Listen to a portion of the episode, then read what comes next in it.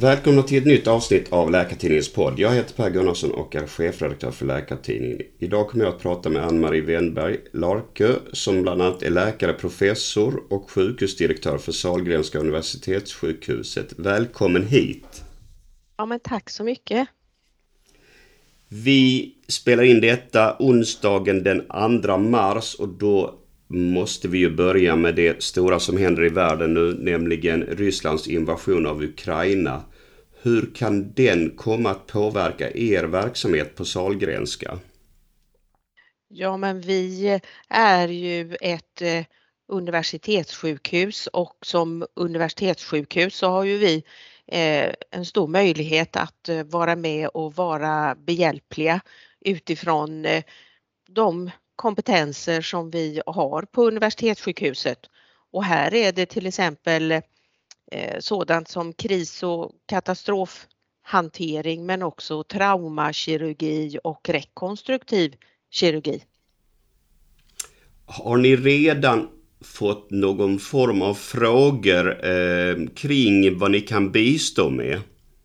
Ja, alltså Eh, det har vi eh, på så sätt. Vi är ju också en del utav Västra Götalandsregionen och mycket eh, av förfrågningar och samtal med nationella myndigheter sker då via Västra Götalandsregionen. Och jag vet att man har fått frågor avseende vårdplatser eh, men också så sker det också mycket vad gäller insamling med mera med mera.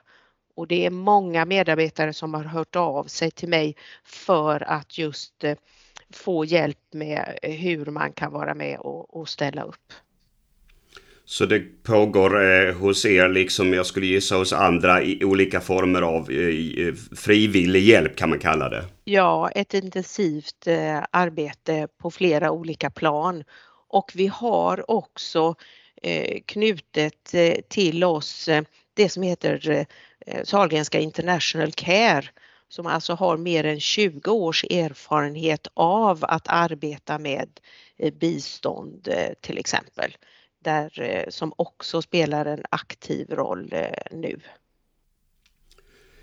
Nu har det ju varit en situation i flera år i Sverige med covid och sen kan det ju bli då att på grund av kriget så behöver ni ta emot en ny eh, Eh, anstormning av patienter. Känner ni er helt redo för en sådan situation? Alltså pandemin var ju och är ju en game changer för svensk eh, sjukvård och eh, den har ju verkligen visat att vi behöver säkerställa sjukhusens kapacitet och, och kompetens. Och då måste vi ta med oss de lärdomar som vi har haft och och eh, den utveckling som har skett och inte låta sjukvården eh, fjädra tillbaka. Så att eh, vi har många positiva erfarenheter som vi kan ta med oss, inte minst vad gäller att minska administration, öka digitalisering. Men det är ju också så att det finns en stor trötthet hos vår personal och det är någonting som vi tar och jag tar på stort allvar så att man måste också tillse så att det finns tid för återhämtning.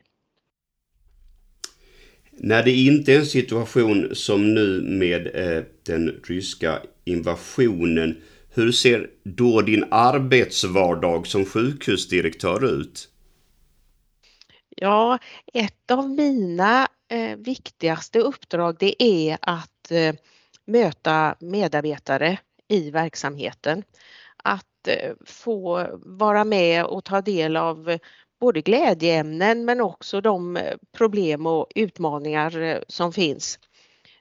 Så att jag vill vara en så närvarande sjukhusdirektör som möjligt. Man pratar ju mycket om vikten av närvarande och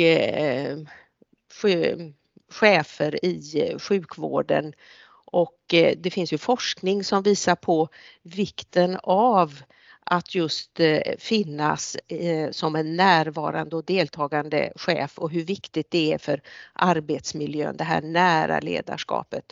Och just det som jag då i diskussioner och dialog med medarbetare kan ta med mig därifrån kan jag sen ta till andra arenor, till exempel till vår ledningsgrupp på Universitetssjukhuset men också till ledningsgruppen i Västra Götalandsregionen, ta med mig i de nationella sammanhang och även internationella sammanhang där jag verkar. Så på det viset är det viktigt att så att säga vara ute på vårdgolvet? Ja, mycket viktigt. Det är en av de viktigare uppgifterna. Därför att det är ju också vad gäller förändringar i sjukvården, förbättringsarbeten, så är det kunskapen den finns hos eh, medarbetarna eh, där medarbetarna är och där patienterna är. Och där måste eh, jag och vi som chefer också vara. Jag läste att när du 2016 blev sjukhusdirektör sa du att du skulle vilja uppnå att sjukhuset inom tre år är internationellt ledande. Har denna ambition blivit verklighet? Ja, det vill jag ju eh, verkligen eh, säga. Vi eh, har ju som landets ledande universitetssjukhus många internationella kontakter och verkar på den internationella arenan men också på den nationella arenan. Och eh, här till exempel inom det som heter högspecialiserad sjukvård så har vi eh, ett stort antal sådana uppdrag. Och eh, där så är vi också med. Till exempel vi är ju landets ledande transplantationssjukhus där vi både forskar på området men också har en stor klinisk verksamhet. Och här finns ju till exempel Island eh, med som vi jobbar eh, nära.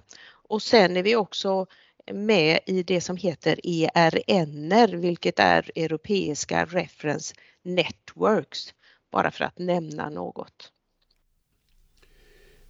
Om vi backar tillbaka i tiden har du varit både läkare och professor. Hur har din läkare och forskarkarriär sett ut?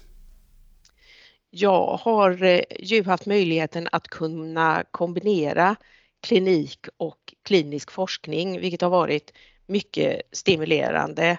Och eh, jag har eh, forskat och arbetat kliniskt inom framförallt det som har att göra med olika typer av hudcancer. Det som är mest känt är det här med malignt melanom, men det finns många andra typer av hudcancrar och här så har jag bland annat varit med och ta fram en ny form av behandling för just patienter eh, med hudcancer och eh, förstadium till hudcancer. Har också fått eh, förmånen att i den här kliniska forskningen arbeta tillsammans över organisationsgränser med till exempel Chalmers tekniska högskola och naturvetenskapliga fakulteten. Nu har du suttit kring sex år som sjukhusdirektör. Hur ser du på framtiden? Kommer du att sitta kvar ytterligare ett par år? Jag eh, jobbar på. Jag trivs eh, mycket bra. Det är ett eh, intressant och stimulerande arbete och det finns många nu säger man ju utmaningar men problem och svårigheter att ta sig an men det finns ju också många glädjeämnen eh, hälso och sjukvården är ju någonting som eh, vi i Sverige, svenska folket upplever som mycket, mycket viktigt och det blir ju än viktigare och man ser det också internationellt. Ett uppdrag som du har vid sidan om ditt ordinarie arbete är att du är ordförande i nationella vårdkompetensrådet. Hur vill du förklara detta utifrån den som inte är bekant med det?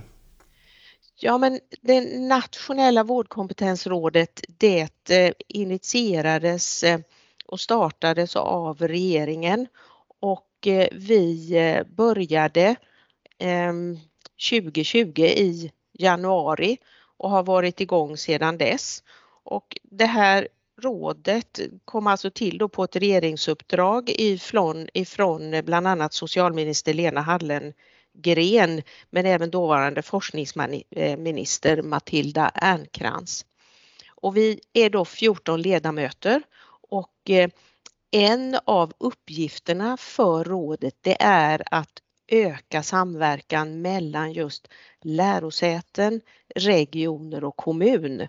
Så de här 14 ledamöterna, ledamöterna de representerar de här olika delarna av hälso och sjukvården. Och så är eh, vi utspridda över hela vårt långa land och sen har jag då som ordförande det är ett eh, särskilt då uppdrag från regeringen mm, och syftet och vikten för ordförande och det som man såg som ett krav det var eh, det här att jag förutom då är sjukhusdirektör också är professor, alltså att man ska ha kunskap både från den akademiska världen och sjukvårdsvärlden. Och sedan så ska vi då vara rådgivande och eh, titta, alltså ställa samman, se över eh, rapporter med mera, med mera som är gjorda då inom sjukvården rörande de 22. Än så länge så är det begränsat eh, till de 22 eh, legitimationsyrkena inom hälso och sjukvården. Och vi ska då titta på dem vad gäller kompetensförsörjning, de rapporter som finns, vara med och, och sammanställa nya och också dra konklusioner och komma med råd inom eh, kompetensförsörjning, hälso och sjukvård. Och vad vill du framhålla när det gäller vad ni har åstadkommit så här långt?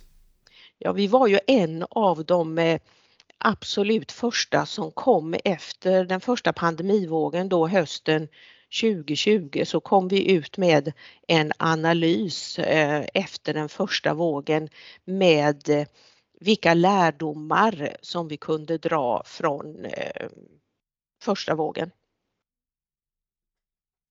Och därefter så har vi gjort ett antal flödesgenomgångar och sedan Eh, bara för att nämna då, det här blir några exempel, så kommer vi ut nu med i dagarna så lämnar vi eh, fram eh, analys nummer två där vi också då eh, talar om vem och vilka inom de olika delarna av hälso och sjukvården bör ta, hälso och sjukvården bör ta sig an de olika eh, uppgifterna. Det som vi såg i analysen ifrån eh, våg 1 och det som vi också har sett nu efter att ha haft fyra pandemivågor. Handlar det mer om institutioner eller mer om individer som ska göra olika saker då i den sammanställningen? Ja, nej men här blir det då vad bör lärosätena göra till exempel? Vad bör kommunen göra? Och vad bör eh, regeringen göra?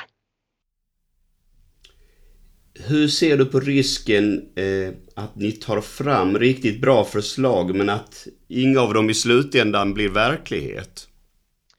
jag skulle vilja säga att erfarenheten hittills är mycket god att eh, vi som råd verkligen har blivit eh, lyssnade på. Jag kan ju bara ta som ett exempel vår eh, Eh, genomgång av eh, styrningen, AT-styrning och förslag eh, inom detta. Det är ju någonting som regeringen har tagit vidare och det är ju till stor glädje och jag vet att Läkartidningen har också skrivit om detta. Mm. Samtidigt om man ser historiskt så har det ju varit så i Sverige att det har kommit många olika förslag om att förbättra bemanningen inom sjukvården men det har varit svårt ändå att omvandla dessa till realitet. Mm. Mm. Har du någon fundering kring denna tröghet? Ja men det är ju så att det är många spelare och många som har olika synpunkter och därför så eh, kan ju vi vara med och bidra just genom det här att peka på vem vi då anser eh, kan ta hand om så att säga vilken uppgift. Och sen ser vi väl också, och det är ju inte bara vi som säger, men eh, vikten av nationell samordning och att det inte är för mycket fritt valt arbete. Du är ju själv läkare. Vad behöver en läkare lockas med för att han eller hon ska vilja ta ett ledigt jobb? Ett ledigt jobb? Eh, ja, alltså tittar du på eh, mitt uppdrag som, som eh, sjukhusdirektör på Sahlgrenska universitetssjukhuset och vi tittar på eh, universitetssjukhuset och eh, de uppdrag som vi har så handlar det ju mycket om eh, eh, sjukvård och sjukvård i kombination med eh, forskning, utbildning, utveckling. Och just att kunna få möjlighet att kombinera klinik då med eh, forskning, det är något som vi ser eh, lockar många läkare. Eh, vi eh, vill ju och fortsätter att se till att vi på Sahlgrenska universitetssjukhuset som ett ledande universitetssjukhus att vi har en stark forskningskultur. Så för er del är det ett starkt kort om ni kan locka till exempel med delade tjänster då ja? Ja, men till exempel och att man också får möjlighet att skaffa sig en eh, forskarutbildning, alltså Eh, disputera men sen också få möjlighet att gå vidare och bli eh, docent och även professor. Det här är ju någonting som vi ser och som vi också har sett i det här nationella vårdkompetensrådet. Det är ju att eh, på sina håll inom, om vi tittar på alla våra 22 legitimationsyrken, så lider vi ju faktiskt brist på just kliniska lärare. Vi måste ju ha personer som kan utbilda nya eh, hälso och sjukvårdsarbetare. Så att just eh, kliniska lärare med docentkompetens, det är någonting som, som är mycket, mycket viktigt för framtiden. Och här har vi haft framgång på Sahlgrenska universitetssjukhuset. Vi kunde i vår årsrapport konstatera att vi har ökat under 2021 antalet docenter med ungefär 30 procent. Mm. Om vi tittar på den svenska sjukvården generellt sett, vilka möjligheter och utmaningar ser du då? Ja, men vi håller ju en mycket hög, eh, vad gäller medicinska resultat så har ju Sverige, eh, ligger Sverige väldigt bra till och vi har ju också visat eh, det här med pandemin som game changer, vilken stor omställning som sjukvården verkligen kunnat ha varit med och, och, gjort och här har ju medarbetare, jag brukar ibland säga att våra medarbetare har varit krockkudde för samhället. Det är en enorm omställning som sjukvården har varit med och, och, gjort. Så att här finns ju mycket att bygga på och ta vidare. Men det handlar om att vi verkligen håller i i det som vi har sett har varit Eh, framgångsfaktorer vad gäller pandemin. Och då menar jag vikten av att få ägna sig åt eh, kärnuppdraget. Alltså att man får jobba med det som man är utbildad för och inte det här med den överadministration som vi faktiskt har eh, inom hälso och sjukvården. Det finns ju flertalet studier och undersökningar som pekar på att kanske inte mer än en tredjedel av eh, sina arbetstid lägger läkare, sjuksköterskor och undersköterskor på direkt patientarbete. Och det här är ju någonting som vi verkligen måste fortsätta och, och, och, och rensa i vad gäller eh, rapporteringar, eh, dokumentering med mer. Ehm, och sedan är det också det som pandemin också visade på väldigt tydligt hur vi kan använda oss av nya forskningsresultat. Hur forskningen, om forskningen och kliniken verkligen jobbar gemensamt så kan man eh, utverka ja, nästan underverk skulle jag vilja säga. Vi trodde väl aldrig till exempel att det skulle komma fram ett vaccin så snabbt som, som det gjorde. Så på det sättet, om du blickar framåt, så ser du stora möjligheter för sjukvården? Absolut. Men vi måste också ta med oss det jag sa här i början att man får tid som eh, medarbetare i hälso och sjukvården för återhämtning. Det är något som vi måste ta på ett stort allvar. En fråga som anställda ofta lyfter fram är bristen på vårdplatser, men högre beslutsfattare håller inte alltid med om detta. Vad är din syn när det gäller antalet vårdplatser i Sverige just nu? Ja, men det är ju det här att den, den frågan går inte att, att besvara rakt av för det beror på vilken typ av vårdplatser som man pratar om. Pratar vi till exempel om IVA-vårdplatser, då vet vi att Sverige ligger lågt. Eh, lägst i, eh, i Norden. Så att här måste vi öka antalet IVA-vårdplatser och även såna här det vi kallar för intermediärvårdplatser, IMA-vårdplatser. Sedan så finns det ju inom andra delar av sjukvården, till exempel det som jag, jag är eh, ursprungligen hudläkare och här har vi ju kunnat se hur just eh, Eh, forskning tillsammans med eh, den medicinska utvecklingen och faktiskt samverkan också med näringslivet, eh, läkemedelsbolag, så har man ju kunnat ta fram ett antal eh, nya läkemedel bland annat och nya behandlingsmetoder och det har ju gjort att de flesta patienter idag inom dermatologi kan behandlas eh, på dagtid. Så att man alltså, tittar vi på Sahlgrenska universitetssjukhuset så har vi kunnat gå ifrån Eh, lite drygt 130 vårdplatser till en handfull vårdplatser. Så att det här har att göra med vilken typ av vårdplatser som behövs. Sedan behöver vi också se på vilken vårdnivå ska våra patienter behandlas. Här måste vi arbeta mycket mer nära varandra. Kommunen, eh, äldreomsorgen, regionerna, sjukhusen och även primärvården. Så kan man sammanfatta det med att på vissa områden så är vårdplatserna borta och kommer förbli borta. Men på andra områden så kommer de att byggas ut om du får bestämma. Ja, så, så skulle jag verkligen vilja säga. Men, och, och, och sen får man ha med sig att hela tiden så flyttar vi ju, utvecklingen går ju framåt. Vi ser ju till exempel även inom kirurgin att mer och mer eh, kirurgi kan ju göras eh, också eh, på dagtid, dagkirurgi. Idag görs ju det som till exempel bara för ett antal år sedan var omöjligt vad gäller till exempel att byta en höftled. Det gör man ju nu eh, eh många gånger i dagkirurgisk verksamhet.